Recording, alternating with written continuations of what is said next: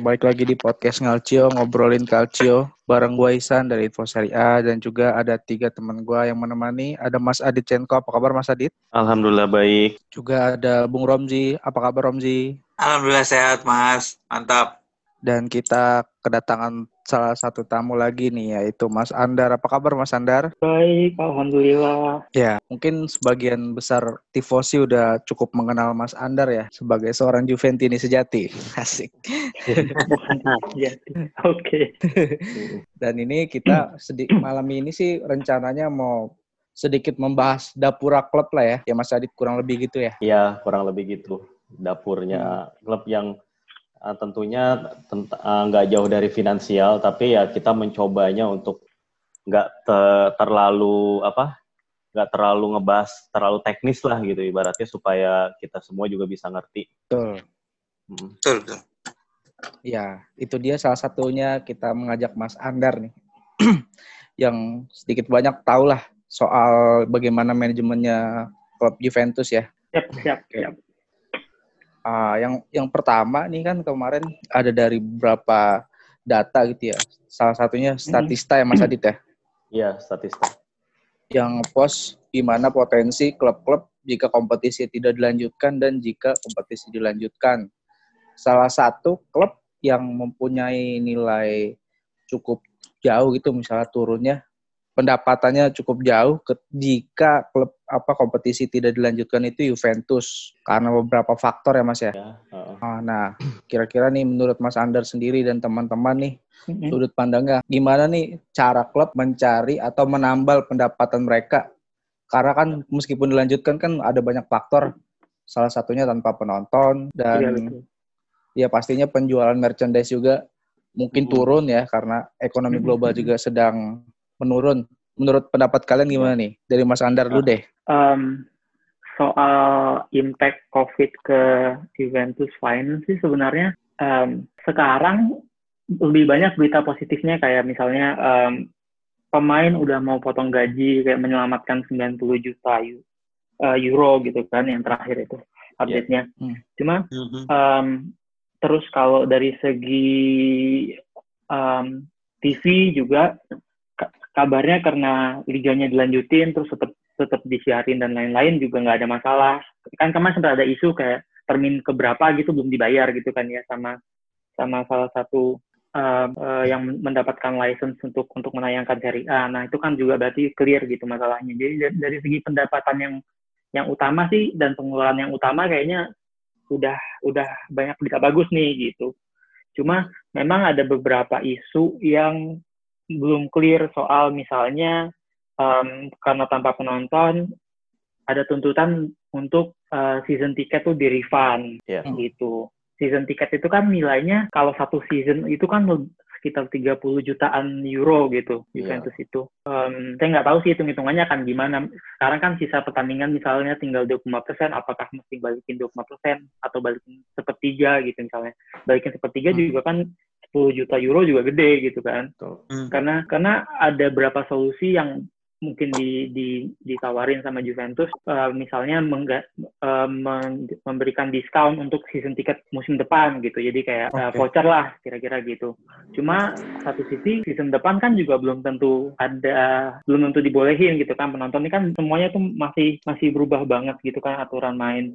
Jadi kalau misalnya nawarin itu, tapi kayak harapan palsu juga belum tentu gitu kan. Jadi em, itu satu itu itu satu sih yang masih mungkin bakal ada ekstra pengeluaran buat itu. Karena pengalaman saya kemarin Juve Inter, hmm, saya kan beli- eh, saya harusnya nonton gitu di sana. Eh, Iya. Udah pegang tiket dan tiketnya di di, di refund full 100% sama Juventus gitu. Jadi Oh gitu. Mm-mm, kemarin saya dapat tiket itu apa eh, di refund full. Jadi eh, sebenarnya udah udah ada juga pasti pengeluaran yang yang, yang salah satunya yaitu Juve Inter gitu. Belum lagi kayaknya Ju- Juve Milan juga harusnya waktu itu udah udah penjualan pasti refund juga kan yang buat nanti tanggal 12 ini Ya. gitu. Mhm. oh iya Jadi minimal udah dua dua match itu aja gitu yang yang eh, di refund non non season tiket ya jadi yang yang yang, Hmm. yang dijual ke umum season tiket itu kan sekitar dua puluh tujuh ribu dua puluh delapan ribu berarti kan 41 kurang anggaplah 10.000 seat itu mesti di refund gitu kan kemarin itu waktu Juve Inter sama uh, Juve Milan gitu itu pasti udah lumayan banget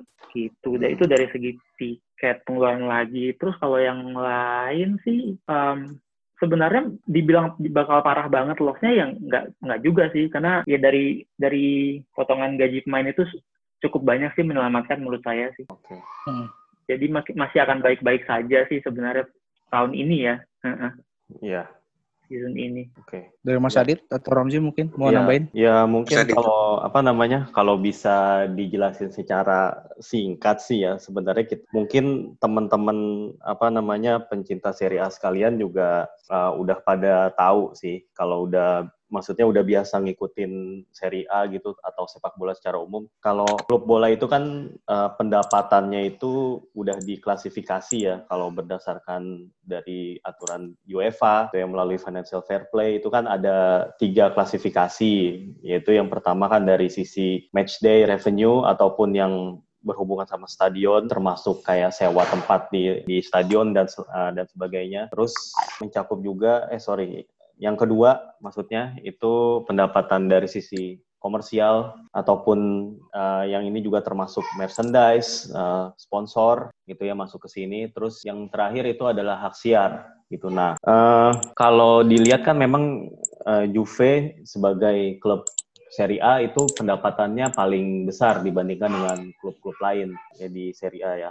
Tentunya kalau ada peristiwa seperti ini yang force sikapnya apa sifatnya force major itu juga dampaknya cukup besar. Tapi uh, karena liga dilanjutkan yaitu tadi mungkin tadi Mas Andar juga udah sempat menyinggung ya uh, liga dilanjutin berarti kan siaran langsung kembali dilanjutkan lalu kemudian uh, sponsor juga uh, apa namanya ya pembayaran dari sponsor juga itu bisa dibilang uh, mengalir kembali gitu paling ya dari sisi tiket aja yang agak sulit untuk dipulihkan gitu ya. Tapi ya itu tadi udah dijelasin juga sama Mas Andar kalau terbantu dengan uh, kesediaan dari para pemain untuk uh, memotong gaji karena sebagaimana kita tahu Juve juga skuadnya uh, bergaji paling besar di Serie A ya. Kalau nggak salah total biaya gajinya tuh 200 sampai 300 juta euro kalau saya nggak yeah, salah. Uh, iya sekitar itu. Jadinya memang kalau misalnya memang ada pemotongan kayak tadi secara agregat jumlahnya 90 juta euro, itu kan berarti sekitar kurang lebih sepertiga dari total biaya gaji itu bisa di inilah bisa dihemat gitu.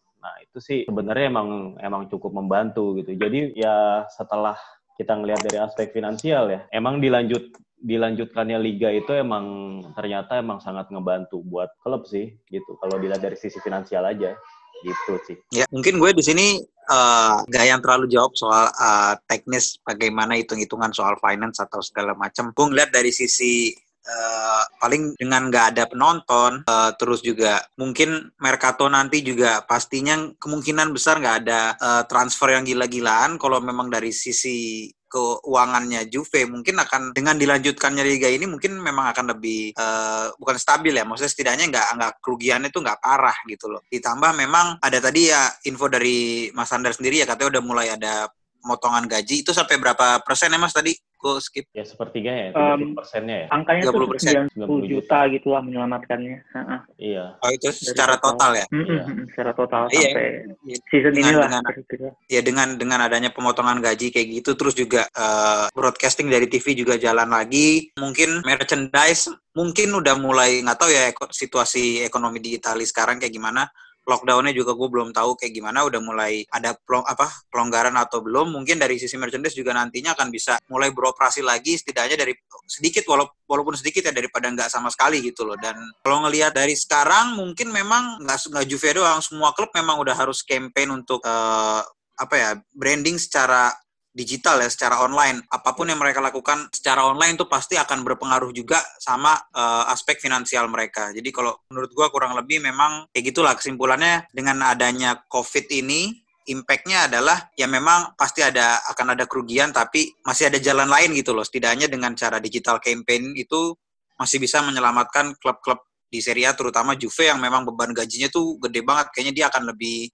harusnya akan lebih jor-joran lagi nih uh, branding-brandingnya supaya bisa menyelamatkan keuangannya atau membayar gaji-gaji pemainnya yang terbilang paling besar di Serie A.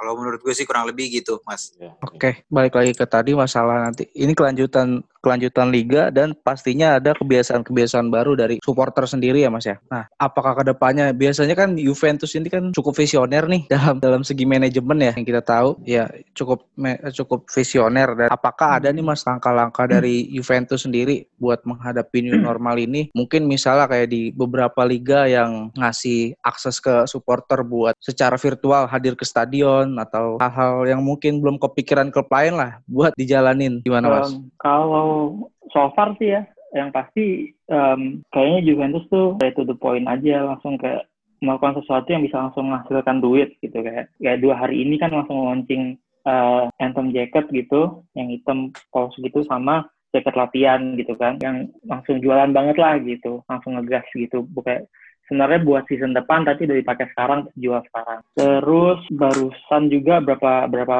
menit yang lalu Juventus tuh ngepost ini apa kayak box set gitu. Uh, save the date gitu.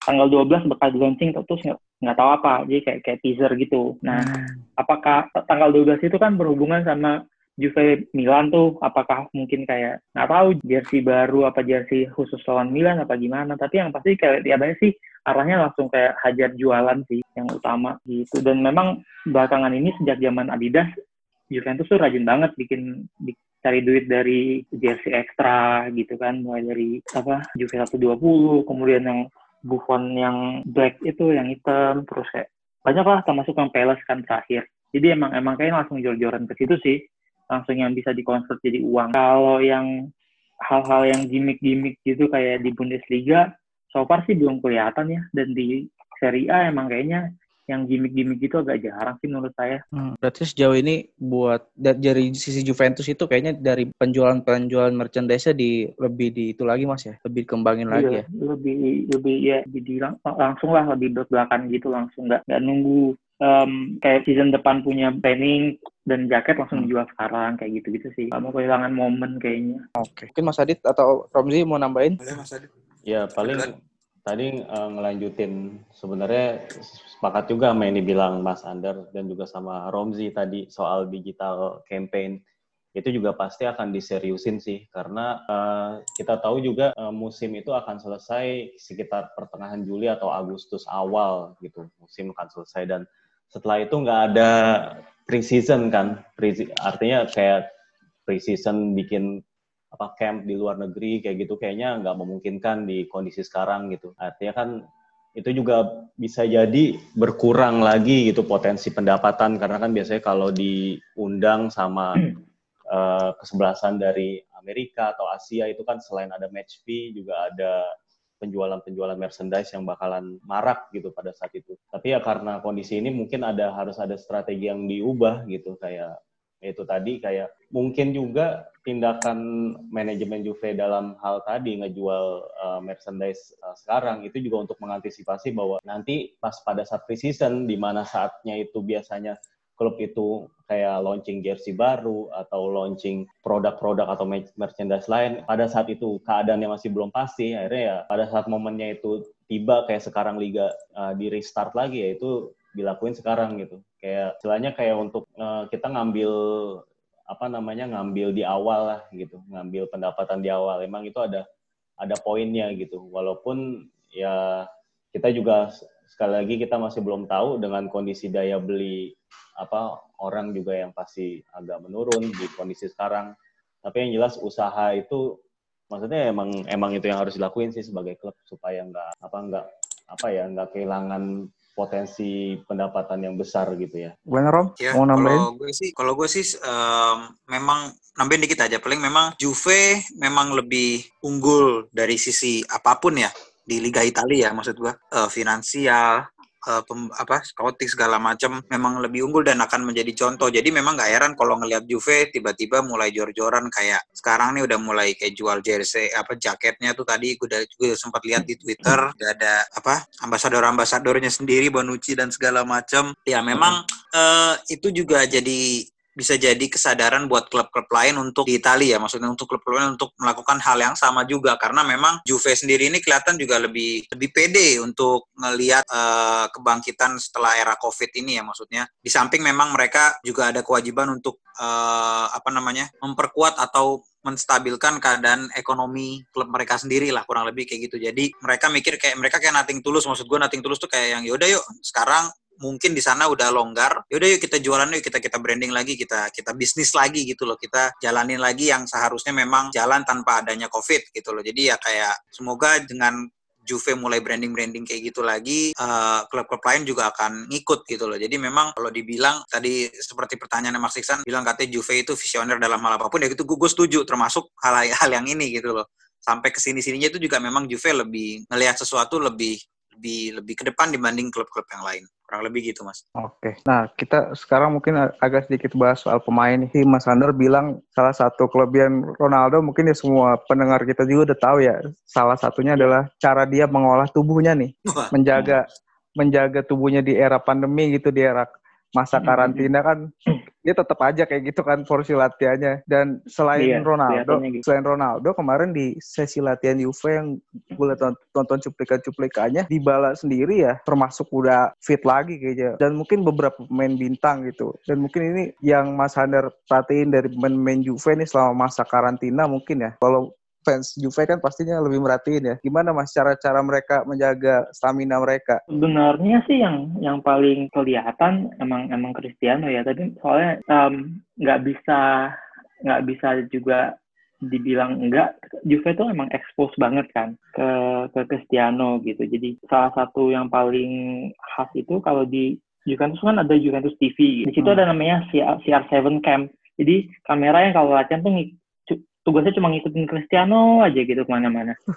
Jadi yang benar-benar expose gitu. Jadi benar-benar kelihatan banget tuh emang emang emang Cristiano sih. Di selain itu di bala kelihatan semangat banget memang pas training. Tapi saya nggak tahu sih efek COVID terhadap recovery terus kayak berapa persen dia kesiapannya gitu-gitunya. Karena ada beberapa isu terakhir kan dia bakal antara turun sama enggak gitu lawan Milan. Um, Chiellini, Dybala gitu, Demiral tuh Matuidi juga kayak belum balik 100% gitu. Jadi ya gitu. Kalau yang lain sih yang paling diekspos lagi sebenarnya kayaknya uh, Bentakur ya. Bentakur juga pelatihannya serius banget gitu. Kelihatan proper uh, dengan alat-alat dan lain-lain. Sisanya ya Uh, yang lain kayaknya ya ya normal-normal aja sih. Nggak ada yang terlalu mengekspos uh, latihan di rumahnya kayak gimana gitu. Tapi dari sesi latihan kemarin kan ada beberapa klub yang pemain-pemain bintangnya justru cedera tuh pemain-pemain bintang kayak Milankovic mm -hmm. Savic gue lihat beritanya cedera. Mm -hmm. Terus Ibrahimovic segala macam Mas Adit ya? Iya, Ibra cedera. Kan itu kan sebenarnya sedikit banyak tuh masa karantina mereka berpengaruh sih menurut gua kepada kondisi dia ya kayak kita udah lama nggak olahraga terus tiba-tiba olahraga lagi gitu. Hmm. Kalau Juve sih sebenarnya yang cedera ya dia dia lagi kayak kemarin sempet Higuain terus Costa ya memang kayak dari masa sebelum Covid juga udah bolak-balik di ah. medical gitu kan. Jadi ya sebenarnya ada pengaruhnya karena lama setelah bola off apa enggak kayaknya nggak nggak terlalu ngaruh sih. emang emang hmm. injury prone aja sih. Iya, Mas Adit atau Romzi mau nambahin soal kondisi pemain? Siapa dulu? Oke, silakan Rom.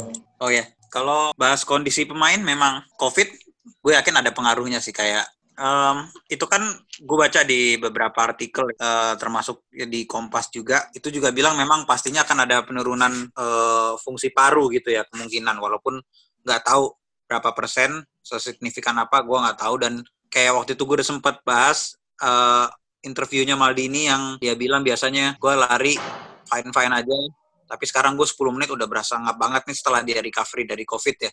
Dan gue nggak tahu mungkin setiap orang uh, beda-beda uh, efeknya dan bagaimana recovery-nya kan tergantung imunnya juga. Jadi memang kalau bahas stamina ini rada atau uh, kelelahan lah nanti di lapangan itu pasti akan ada pengaruhnya nih terutama di masa-masa sekarang uh, udah mau masuk new normal, jadi uh, resiko COVID itu juga masih tinggi gitu loh. Apalagi belum ditemuin vaksinnya juga. Jadi memang kalau bahas stamina ini memang uh, dibilang menarik menarik, tapi uh, gimana ya? Kita juga nggak bisa belum tentu juga kalau misalkan emang bener dia kecapean di lapangan itu bakal dibilang ke media itu ini efek covid gitu loh kan belum tentu juga itu pasti akan ada efeknya juga nih kalau dia ngomong kayak gitu uh, terus dia ngomongin soal Ronaldo uh, dia di expose terus memang bukan kalau menurut gue ya memang Juve pastinya akan membranding Ronaldo terus tapi Ronaldo itu sendiri memang udah jadi brand gitu loh. Maksudnya udah uh, siapa sih orang yang nggak tahu Ronaldo? Ibaratnya secara uh, personal branding aja dia udah terbesar di ini kan di Instagram followersnya kalau nggak salah ya. Sekarang tuh masih yang terbanyak sorry terbanyak uh, single person ter followers terbanyak. Jadi memang apa pun yang dia lakukan pasti akan diekspos siapa pun tidak hanya oleh Juve aja gitu. Kalau menurut gue sih gitu mas. Iya yeah. yeah, udah gitu ditambah kan. lagi kan uh, lagi uh, karantina gini kan kebanyakan pemain juga pada balik ke daerah asalnya ya pada pada mudik ke negaranya masing-masing gitu uh, ya itu juga jadi bikin makin nggak terkontrol gitu ya untuk beberapa pemain gitu ya. Ada yang kembali lagi juga dalam kayak kalau kayak Ronaldo, Ronaldo kan juga sempat emang sempat balik juga ke Portugal gitu. Tapi ya dia kan juga di sana uh, mungkin dia udah benar-benar ngejaga kebugaran gitu sampai katanya pas balik lagi latihan itu justru uh, apa namanya banyak kayak atribut-atribut kayak akurasi tendangan atau atau atribut fisikal lainnya itu malah meningkat gitu, bukannya menurun. Itu kan ya emang nunjukin kedisiplinan dari masing-masing atlet itu emang beda-beda gitu. Dan ya itu tadi banyaknya pemain yang uh, balik ke daerah asalnya tuh emang bikin program latihan. Pasti klub juga akan ngasih program latihan individual juga gitu ya. Tapi ya seberapa efektif itu juga agak sulit diukur karena ya kalau dijalanin di rumah sendiri-sendiri itu juga akan pastinya tantangannya juga beda gitu sih ya. Oke, itu tadi dari kebugaran kebugaran pemain lumayan lah ya. Kalau dari Juventus memang kalau Ronaldo nggak usah diragukan lagi lah cara dia menjaga kebugarannya. Robot. Justru yang jadi mas yang jadi masalah ya pemain-pemain yang mungkin emang pola disiplinnya sebelum COVID pun udah buruk gitu. Apalagi masalah Balotelli nih. ini gue penasaran aja nih Mas Andar nih. Juve kan termasuk salah satu klub yang main disiplin lah. Ini kalau Balotelli ada di Juve kira-kira kayak gimana mas? Kayaknya nggak nggak bakal kejadian ya. saya nggak, seingat saya saya Juventus nggak nggak pernah punya pemain yang punya attitude yang agak unik gitu. Kalaupun ada paling nggak nggak bertahan lama gitu satu dua tahun gitu sih. Ya, yeah. Pernah ada tapi kayak ya gitu nggak nggak berakhir dengan baik itu kan kayak pisah musuhan gitu. Kecuali hmm. beberapa orang lah. Kebanyakan sih gitu. Tapi sebenarnya yang yang menarik sih nanti seberapa cepat pemain-pemain itu bakal bisa recovery dengan jarak pertandingan yang cuma 3 4 hari kan. Oh iya. Jadi, yeah. Itu yang yang lebih ini yang lebih mengkhawatirkan saya sebenarnya um, begitu udah nanti seasonnya mulai main 33 sampai 4 hari um, recovery nggak bakal sempat full recovery mesti tanding lagi nggak sempat. Terus plus lagi ini kan untuk untuk pertama kalinya mereka main summer gitu yang um, gelapnya tuh baru jam 9, setengah 10 malam tuh baru gelap gitu kan di, di Italia. Hmm. Iya, Jadi ya, pasti pengalaman baru banget lah. Badannya juga pasti ya gimana biasa summer gini di Ibiza atau di mana mereka cuma berjemur aja terus ini masih main gitu kan dengan udara panas itu. Jadi nggak tahu deh soal soal recovery ini yang lebih mengkhawatirkan kalau saya. Mas Adit masih mau nambahin? Udah sih kurang lebih cukup kayaknya untuk yang apa namanya sesi pertama. Oke, kita akan balik lagi di sesi kedua ya. Thank you semua. Oh. Yo.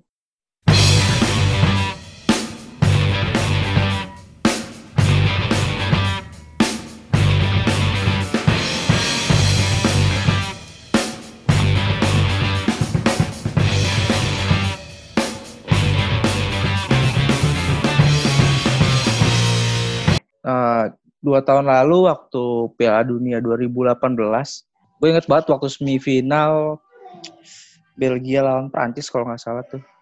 Tiba-tiba publik sepak bola nih cukup digegerin sama berita seorang superstar datang ke Juventus nih. Terus uh, ini kan jadwalan nih kalau tanpa COVID harusnya kan 2020 ini ada Euro 2020 ya yang batal. Mm-hmm. Nah, maksudnya kan ke kedatangan Ronaldo itu kan mungkin memang udah disiapin sama manajemen Juve nih. Ada yang bilang waktu itu kalau nggak gua nggak salah baca ya karena harga tiket musiman mau dinaikin terus fans minta didatengin mega bintang ada versi kayak gitu dan setelah Ronaldo datang kan tahun 2019 tuh peningkatannya berapa persen Mas Adit pendapatan Juventus Berapa ya? 17 apa kalau nggak salah? kurang lebih segitulah ya ditambah lagi Adidas ya Iya, Adidas eh, apa namanya ada kontrak baru dari Adidas ya, yang nilainya meningkat. iya dan itu kan sebenarnya mungkin kalau misalnya kondisi liga stabil dan Juventus juga di Champions League melaju jauh gitu ya ada kemungkinan besar gitu di di tahun ini mungkin kedatangan mega bintang lagi nih Hmm. iya dong pastinya masih banyak ambisi-ambisi yang belum bisa ke- kecapai sama Juve lah. Tapi kan di era setelah pandemi gini kan kemungkinan besar kedatangan superstar itu bisa dibilang susah lah ya karena pendapat klub dan lain sebagainya. Iya. kira-kira ada gak nih mas bocoran nih dari Juve nih buat mendatangin pemain besar atau mungkin dengan metode barter atau gimana yang paling dekat Eh, saya. Em, nggak ada sih apa ya Em, is- isunya tuh em, hampir nggak ada yang pemain besar banget tuh kayaknya nggak ada sih so far ya. Dan gosip itu emang gila-gilaan banget sih. Walaupun merkatonya masih September tapi tuh sekarang tuh benar-benar isunya udah hari ini begini hari besok gini gitu kan. Dan Iya. dan entah kenapa entah kenapa tuh kalau di di merkatonya Serie A tuh gosipnya ya eh, si A disukain sama Juve terus hari ini lebih dekat ke Juve besok lebih dekat ke Inter ntar lusa lebih dekat lagi ke Juve gitu isunya sih selalu belakangan ini ya gitu kan mulai dari Tonali lah terus yang backnya Verona itu siapa namanya Nggak. Gula. Kumbula. ah iya Mm-mm. jadi ya kalau yang bintang-bintang banget kayaknya juga nggak ada sih ya yang yang ada ada mas sebenarnya kan satu sisi waktu itu Cristiano juga di Madrid kondisinya juga um, ada isu-isu perpecahan juga gitu kan sebenarnya terus Hmm. somehow Juventus masuk menawarkan eh, kemudian deal dan Cristiano ke Juve gitulah kira-kira singkatnya. Kalau sekarang kayaknya bintang-bintang gede semuanya lagi adem ayem aja sih sama klubnya sih. Nggak ada yang lagi panas-panas yang bisa dikom- dikomporin buat pindah gitu kayaknya nggak ada ya. Nggak tahu kalau Mas Adit tahu. yang tahu. Iya sih emang agak-agak apa ya? Kalau media menghembuskan berita transfer itu kan bisa jadi macam-macam ininya sih, source-nya sih bisa jadi itu emang dari agennya aja gitu kayak su- manas-manisin klub supaya ya nilai kontraknya dinaikin kayak gitu bisa jadi atau eh, ya emang supaya eh, supporter juga jadi kayak ada ada bahan atau sekaligus juga ada eh, mikir bahwa oh ternyata klub favorit kita nih serius nih atau dalam apa ya mau meningkatkan prestasi nih dengan ngedatengin pemain-pemain baru gitu. Itu jadi kayak menimbulkan kayak apa ya kayak sentimen positif lah bisa dibilang gitu. Walaupun pada kenyataannya nanti misalnya gagal di pemain itu nggak jadi datang tapi paling nggak kalau rumornya itu udah udah rame kalau misalnya klub itu sebenarnya udah kedengeran ada effortnya untuk nawar si pemain itu kan pasti di mata supporter juga ada apa ya ada nilai positifnya juga gitu ya. Apa namanya nah itu kan tadi nyambung ke apa namanya ke soal Ronaldo juga tadi. Kalau nggak salah kontrak Ronaldo itu dua tahun lagi ya selesai ya atau atau lupa lah setahun atau dua tahun lagi. 2022 mas.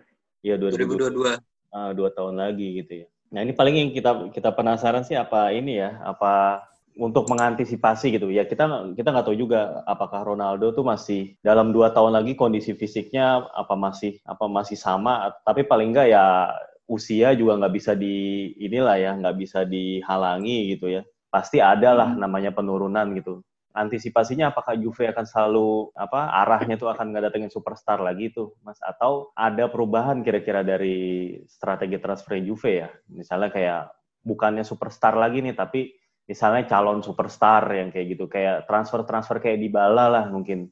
Apa bakal balik lagi kayak gitu atau tetap akan superstar lagi ya kira-kira arahnya ya? Em, kalau saya sih mikirnya um, bakalan superstar lagi sebenarnya. Karena waktu kemarin uh, Juventus um, isu yang uh, minta 300 juta ke ke shareholders itu kan yang share share capital itu nah kan isunya itu minta 300 juta untuk untuk pengembangan Juventus 2019 sampai 2024 yeah. salah salah satunya itu adalah memang um, supporting komersial strategi buat kayak naikin brand visibility di international market hmm, hmm. dan dengan uang sebanyak itu sih harusnya cara cara paling besarnya klub sepak bola buat naikin brandnya itu ya ya beli superstar gitu sih memang kalau menurut saya ya. Iya, iya. Tapi terus impactnya dengan adanya um, COVID ini nggak nggak tahu bakal gimana. Bisa jadi malah bagus sebenarnya kayak harga yang gila-gilaan tuh jadi balik balik ke ke yang semestinya lah gitu. Pemain-pemain tuh bakal bakal bakal lebih normal lah harganya gitu. Sehingga bisa jadi ya ya juga bisa bisa beli superstar gitu apa pun itu. Gitu gitu. Saya sih ngerasa arahnya tetap ke situ. Kayaknya nggak mungkin. Kayaknya sayang banget kalau kayak udah naik terus step back lagi mundur lagi gitu. Kayaknya sih nggak nggak nggak gitu ya kelihatannya. Karena um, pasti akan akan akan selalu artis yang lebih besar daripada yang sampai sekarang sekarang sekarang gitu kan kelihatannya sih 10 tahun terakhir hmm. tuh Juventus tuh progresnya begitu visinya gitu kayak termasuk soal logo kayak misalnya sedikit aja misalnya kayak contohnya musim depan di di semua apel Juventus tuh Juventus udah nggak tulisan Juventus lagi cuma ada logo doang J gitu hmm. udah okay. itu kan salah satunya gitu jadi benar-benar kayak kayak mau kalau idenya dulu kan kabarnya pengen jadi kayak New York Yankees gitu kan.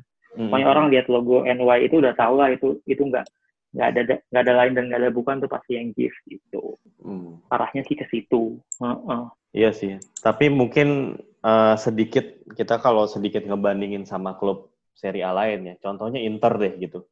Inter itu kan juga kalau dilihat dari brand itu kan peningkatan brand mereka tuh pesat banget ya dari terutama sejak dipegang Suning sih sampai sekarang gitu. Itu kalau baca uh, salah satu laporan yang dikeluarin oleh uh, eh, KPMG sebuah firma keuangan itu kan uh, di situ kurang lebih bilang bahwa Inter itu adalah kesebelasan uh, yang uh, peningkatan brandnya itu paling pesat gitu dalam tiga tahun terakhir ini setidaknya atau dalam setengah dekade gitu dan itu dibuktiin dengan um, meningkatnya jumlah kayak apa ya follower dari semua akun-akun digital. Terus juga ya kerjasama kerjasama komersial yang juga ditingkatin kayak gitu. Uh, walaupun mereka masih belum ada di tahap bisa ngedatengin superstar kayak Ronaldo gitu. Tapi paling enggak itu yang sempat kita kemarin apa di podcast edisi kemarin sempat bilang paling enggak bintang-bintang yang uh, apa namanya yang udah di usia emas walaupun kayak mulai meredup gitu ya macam kayak Lukaku yang kayak gitu-gitu itu masih bisa udah bisa didatangin atau bahkan bisa menarik seorang kayak Christian Eriksen uh, dengan transfer yang cuma 20 juta euro. Artinya kan emang ada project serius dan berarti juga sepertinya selain ngedatangin superstar ada cara lain juga nih sebenarnya dalam meningkatkan brand Uh, mungkin gimana San atau Rom ada ini lain nggak kira-kira? Hmm. Meningkatkan brand.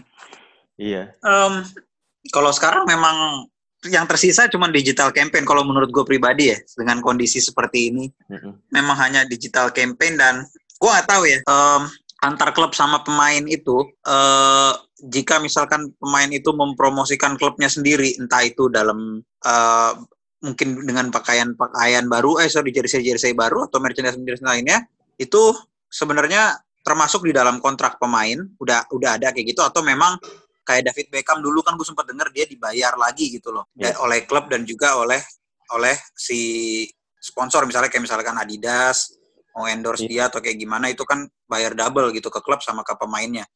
Nah, yeah, itu yang gue nggak tahu sekarang kira-kira mungkin nggak kayak gitu. Kalau misalkan memang mungkin, mungkin dari personal branding pemainnya yang memang bisa dibilang semua pemain bola di top 5 Eropa itu followersnya udah di atas 10 ribu lah minimal ya itu itu kan bisa menjadi salah satu strategi untuk membranding klubnya sendiri uh, dan mungkin kalau misalkan itu tidak ada dalam kontrak jadi dalam dalam arti klub harus membayar ke pemainnya itu sendiri itu mungkin ya di luar dari yang kita tahu lah yang gue tahu ya. Tapi kalau misalkan memang enggak misalkan memang di dalam kontrak itu ada kayak lu wajib mempromosikan klub lu sendiri andaikan ada ada klausul seperti itu itu sepertinya memang udah mulai harus dimanfaatkan. Soalnya kan yang rata-rata gue lihat pemain ya pemain bola itu posting di sosmednya dia di Twitter di Instagramnya itu kan memang uh, soal kepribadian kehidupan dia pribadi segala macam atau dia endorse produk pribadinya yang berhubungan dengan pribadi dia gitu. Enggak ada yang gue lihat pemain yang kayak uh, nih gue nih pemain Juve, Juve itu keren lo gini gini gini gini gitu. Misalkan nggak tahu gue belum yang selama ini gue follow itu gue belum lihat. Kalau misalkan itu bisa menjadi salah satu siasat ya uh, why not gitu loh. Mungkin menurut gue kayak gitu mas. Kayaknya sih kalau misalnya hubungan pemain sama klub gitu ada terpisah kayaknya si Rom kalau setahu gue. Soalnya Bisa, ya? uh, biasanya kontrak itu ada dua macam kayak kontrak pemain sama klub sama kontrak pemain sama sponsor pribadi. Dan itu biasanya jadi dispute atau kayak apa hal yang rawan untuk jadi sengketa antara pemain sama klub sendiri. Itu berapa persen pembagian image right yang kayak gitu-gitu sih yang gue hmm. pernah denger. Ya kayaknya sih emang terpisah. Jadi ketika misalnya si pemain di akun pribadinya posting sesuatu ya dia nggak selalu mewakili kepentingan klub. Bisa jadi emang dia emang emang dia mewakili pribadi aja. Kayaknya sih itu sih ya. Gimana tapi ada nggak yang mewakili kepentingan klub? Itu yang maksud gue jadi gue mungkin bisa jadi uh, kali aja gitu kalau misalkan memang ada kan. Hmm. mungkin itu bisa membantu klub secara branding lah kurang lebih kayak gitu. Hmm, nambahin aja sih mas. Mungkin ya. um, yang kayak gitu bisa kejadian kalau kebetulan kayak sponsor pribadinya sama sponsor klubnya tuh sama gitu. Sama, iya. Kayak misalnya iya. Dybala dengan uh, Juve Adidas tuh, um, terus kayak Pjanic juga gitu kan, um, exposure ke ke Juve-nya tuh jadi jadi lebih gede. How dibanding kalau kayak Cristiano misalnya atau atau Chiellini yang Puma sama Nike tuh pasti uh, beda lah exposure ke klubnya dibanding exposure ke ke sponsor pribadinya gitu. Jadi ya itu salah satunya mungkin membantu sih dari dari segi itu ya. Terus kalau memang dari kalau kalau tahu saya emang soal aturan soal pema, pemain dan klub itu luas banget sih kontrak itu kayak misalnya termasuk misalnya Juventus kemarin ke Singapura ke ke Korsel sama ke China itu yeah. ada ada aturan mainnya lagi sendiri kayak si sponsor bayar berapa yang main tuh sampai level apa Makanya kan kemarin sempat ada dispute soal Cristiano Ronaldo nggak main di Korea gitu kan. Iya. Karena salah satu isunya mereka bayar lebih supaya Cristiano main gitu lah salah hmm. satunya. Hmm. Um, terus soal kalau saya bilang sih sekarang maksudnya um, kalau di di COVID kayak gini kayaknya udah udah berat juga sih kalau masing-masing klub mesti usaha sendiri buat naikin brand awareness gitu um, mesti mesti bergerak satu seri A gitu sih karena kalau kalau kita lihat trennya um, Bundesliga Bundesliga terus um, IPL dan La Liga yang yang kerja keras itu liganya kelihatannya gitu. Hmm. uh, La Liga bikin office di Singapura Bundesliga bikin office di Singapura gitu IPL juga.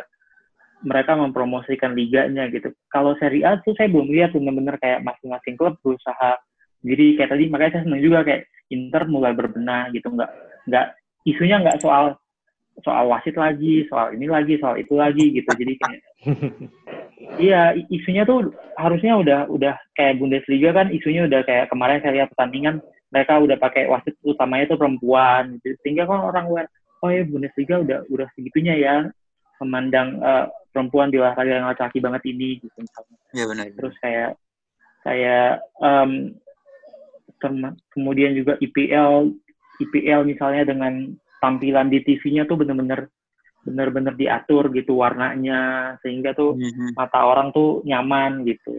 Hmm, gitu.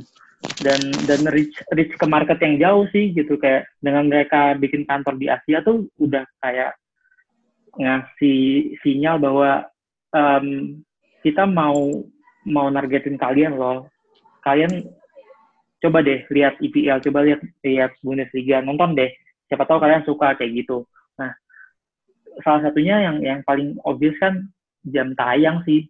Kayak Serie A tuh benar-benar kayak saya bisa bilang kayak Serie A tuh bodoh amat gitu loh sama pasar Asia.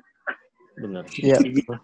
Kecuali Inter, makanya makanya Inter kenapa gede banget karena ownernya dari Asia, terus mereka tuh expose kan ke sana gitu. Itu makanya terus peningkatan followersnya, peningkatan merchandise-nya dan lain-lain tuh karena ya emang di, di China buying powernya gede gitu sih menurut saya dibanding negara lain dari jumlah quantity, dari jumlah um, mereka juga memvalue beli barang asli gitu sih sebenarnya.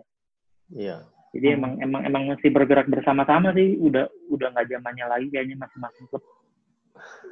Ya berat sendiri berat banget gitu kayak mesti invest berapa supaya kayak orang nonton Serie A gitu kalau Juventus doang atau Inter doang gitu. Hmm, benar. Okay. Setuju setuju. Semoga ini FGT muasabah diri nih. benar ya, benar. Benar benar. Iya. Semoga oh, dengerin dengerin podcast. Beres-beres beres-beres kontrakan nih klub. Beres-beres kontrakan. Milan kan ngontrak. Iya kan, kan sebenarnya kayak kita lihat kalau lihat kita klub IPL gitu, klub kecil-kecil bisa dapat duit gede dari dari TV rights itu kan karena karena emang liganya benar gitu kerjanya. Iya, berbenah. Uh -uh. Ya, kalau seri A kan juga sebenarnya kalau TV rights-nya gede, duitnya banyak, pasti pasti semua klub pengen lah punya punya stadion bagus, pasti pengen semua pengen bangun stadion bagus. Cuma kan duitnya nggak dari mana gitu kan. Iya. Jualan kaos kan nggak cukup buat bikin stadion. Mm -hmm. Bahkan Premier League kan suka ada mini liga ya ke Asia mm -hmm. gitu. Mm -hmm dianggap lah gitu Asia. Hmm. Kalau ngomongin apa pendapatan dari broadcast memang gede sih itu gue sempat nonton salah satu film itu di Netflix tuh Sunderland Till Ada itu disebut pas mereka degradasi itu eh, ini ini intermezzo dikit aja ya maksudnya kayak dia ngomong gimana sih lo rasanya setahun lo biasa dapat 100 juta uh, pound dari TV toto sekarang pas lo drop jadi 40 juta jadi enggak menurut gue itu angka yang luar biasa banget ya dari TV ya untuk klub angka segitu buat yeah. satu musim gitu loh. Jadi memang kenapa IPL itu maju lebih maju jauh dibandingkan Italia mungkin karena faktor itunya juga. Nah, sedangkan di Italia nih gue nggak tahu kira-kira rata-rata klub itu dapat berapa sih dari stasiun TV gitu loh saat pertandingan mereka disiarkan. Jadi itu mungkin memang menjadi faktor kenapa cuman dalam yang kita lihat ya cuman Juve aja yang kelihatannya uh, maju lebih maju di depan dibanding lebih dua langkah di depan dibanding klub-klub yang lain ya menurut gue memang harus banyak yang dibenahin sih Itali bukan hanya klub-klubnya aja tapi setuju sama yang Mas Andar bilang liganya juga harus lebih kerja keras lagi gitu sih Mas. Mas Adit mau nambahin mungkin? Ya udah sih paling uh, tadi kalau kalau ngomongin soal uh, apa namanya uh, eh, TV pendapatan TV kan emang uh, itu paling komponen paling besar sih yang bisa didapetin klub bahkan dibandingin sama pendapatan dari stadion atau pendapatan dari komersial itu TV. Beberapa klub ya, kebanyakan tuh TV. Kecuali kalau kita ngomong klub-klub kayak Bayern Munchen, PSG atau Manchester City yang sponsornya tuh gede banget gitu. Tapi normalnya emang dari TV. Jadi emang uh, balik lagi ke yang kita omongin di awal, emang kayaknya emang liga dimulai itu emang lebih banget uh, hubungannya tuh ke faktor finansial sih emang jadi supaya klub itu nggak terlalu jatuh banget dan supaya mereka bisa tetap beroperasi dengan dengan baik lah gitu cuman mungkin ntar ya ya dalam topik lain sih gue juga agak-agak ini juga agak ada yang ganjel sedikit karena nggak nggak ada kesamaan gitu antara misal Liga 1 dengan liga lainnya kayak uh, ada liga yang memutuskan untuk di stop atau ada juga yang dilanjut. Nah ini sementara transfer window-nya tuh jadi beda gitu. Misalnya kayak Liga Prancis kan udah dianggap selesai. Nanti mereka mulai buka uh, pemain itu Juli. Ntar selesainya itu deadline-nya September. Nah, sementara klub Itali itu baru buka transfernya mulainya September nanti sampai 15 Oktober. Nah, itu ya itu bisa jadi pembahasan yang menarik berikutnya. Kayak gitulah kurang lebih. Siap, siap. Gimana, San? Oke deh. Ini udah berapa menit nih? Aman, aman. ya, paling ya ini aman sih, ya? Uh, apa namanya ya tadi ngomongin soal balik lagi ke Juve itu kan uh, dengan pengelolaan yang tadi dibilang uh, emang selalu emang punya visi untuk bisa terdepan dalam uh, market kayak gitu terus untuk uh, melakukan kayak ya meningkatkan branding terus gitu. Dan tadi uh, sempat bahas bahwa salah satu untuk terus meningkatkan brand itu itu adalah dengan membeli superstar lagi karena ya levelnya sekarang udah di sini, udah di levelnya kayak Cristiano yang bisa didatengin, nanti nextnya siapa gitu. Nah, tapi sementara itu kalau kita lihat dari sisi historis kan Juve juga identik sama timnas Italia ya. Artinya banyak pemain-pemain Italia gitu ya. Timnas Italia itu di disuplai ya apa namanya dari sebagian pemain sebagian besar pemain Juve gitu. Nah, ini kalau dari sisi kita sih pengen tahu dari sisi fans aja sih gimana kayak apakah uh, setuju dengan policy ini yang kayak ya udah yang penting ya kita pegang pasar secara global makin banyak fans gitu atau uh, kok ciri Italinya jadi hilang gitu atau ada concern kayak gitu nggak sih atau kegelisahan kayak gitu nggak sih Mas Ander?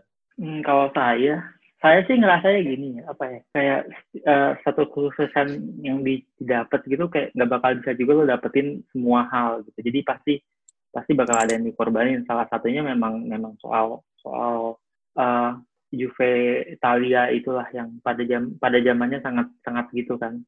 Yeah. Semua hampir berapa persen yang di timnas tuh pasti main Juve gitu. Ya mm-hmm. bisa jadi ada hubungannya karena belakangan juga Italianya uh, prestasinya juga kurang bagus. Terus pemain mudanya juga nggak um, terlalu kelihatan menjulang.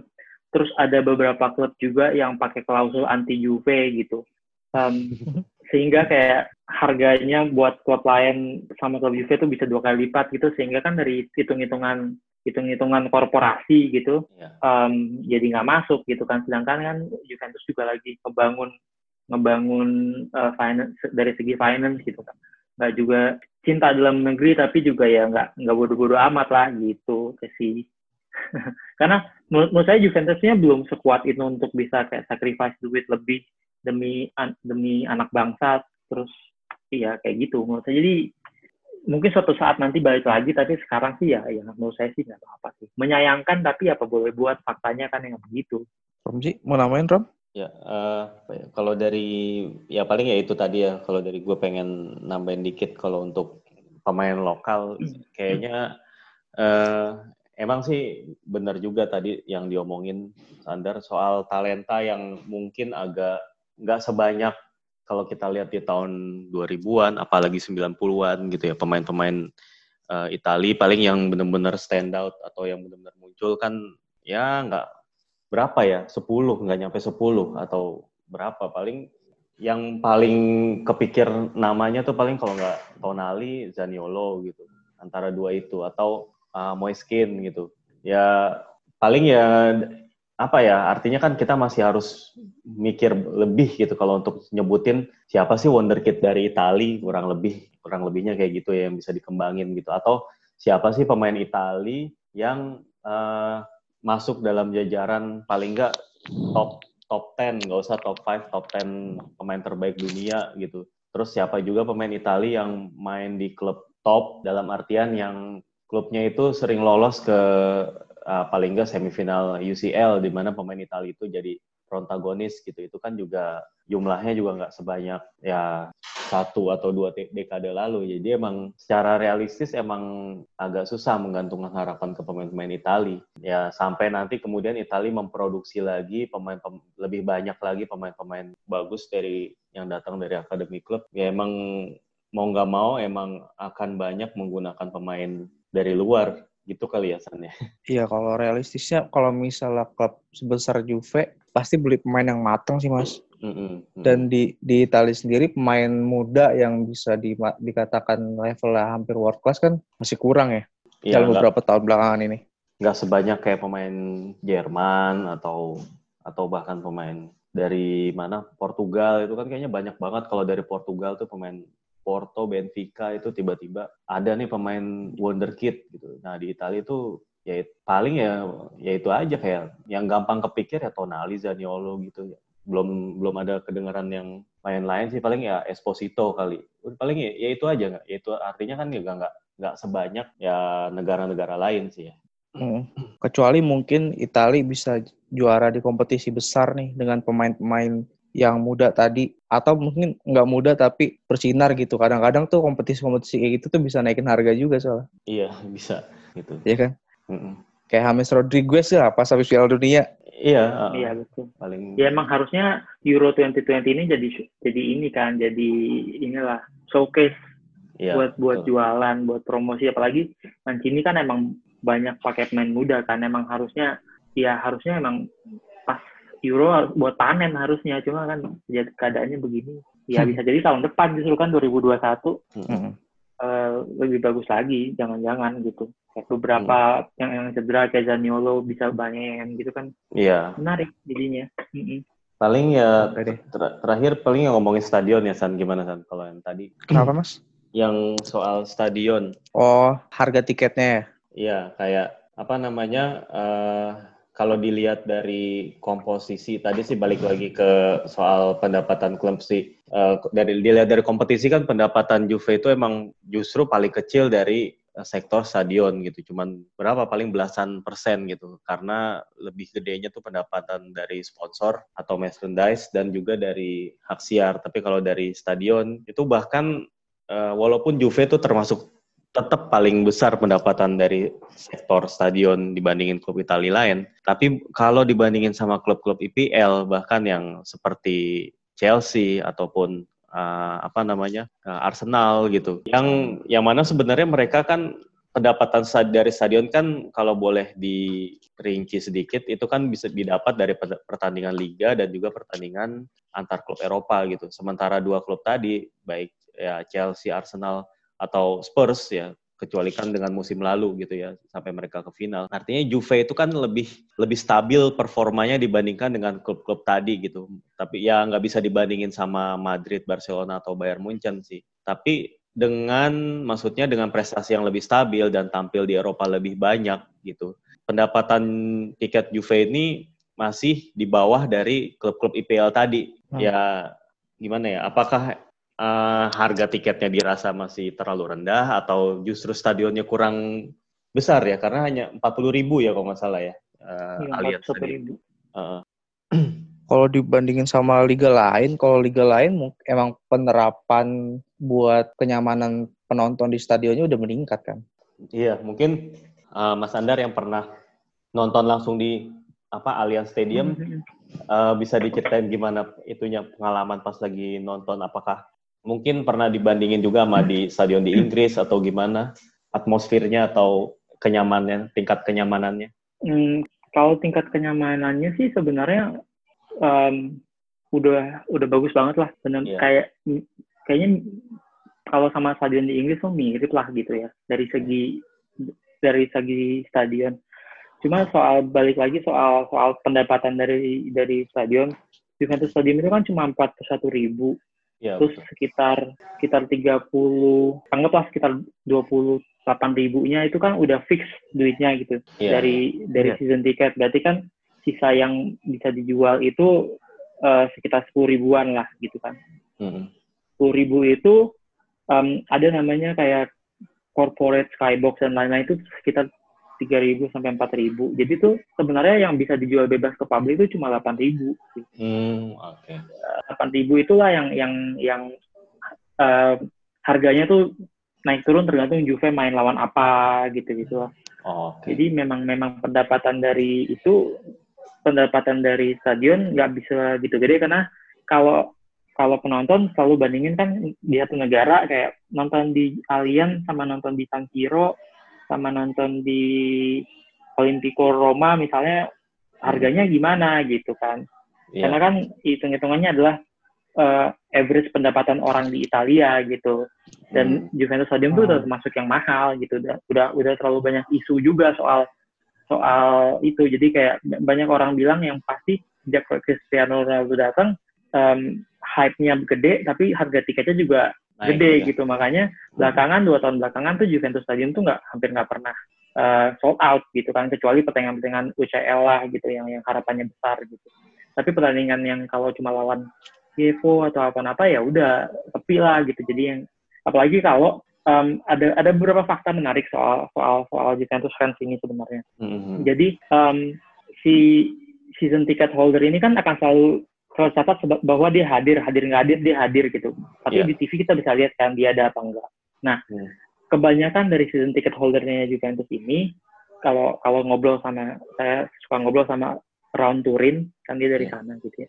Um, Season ticket holder tuh kebanyakan tinggalnya nggak di Turin gitu di di Milan dan memang yang seperti kita seperti ini ini ini cerita lama sih bahwa di Turin itu tuh jumlah jumlah fans Juventus sama Torino tuh agak-agak banyakan Torino dan gitu-gitulah. Jadi kebanyakan tuh sebenarnya pendukung Juventus juga tinggalnya tuh Dari di luar. Gitu yang Hmm. dari luar. Oke. Eh, sehingga kalau pertandingannya misalnya pertandingannya minggu malam gitu atau minggu sore kemungkinan tuh yang nonton juga eh, sedikit karena untuk traveling balik ke Milan tuh susah kecuali mereka punya punya mobil Punya pribadi gitu punya Hmm. kendaraan terus em, satu lagi soal eh, Juventus Stadium itu 41.000 ribu sebenarnya karena asal muasalnya kenapa dibikin 41.000 ribu itu karena dulu selama Juventus di di daerah Alpi Mhm.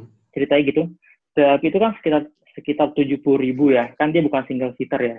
Iya. Dia 70 ribu kapasitasnya, tapi selama 16 tahun Juventus di sana, average penonton di daerah Alpi itu cuma 37 ribu.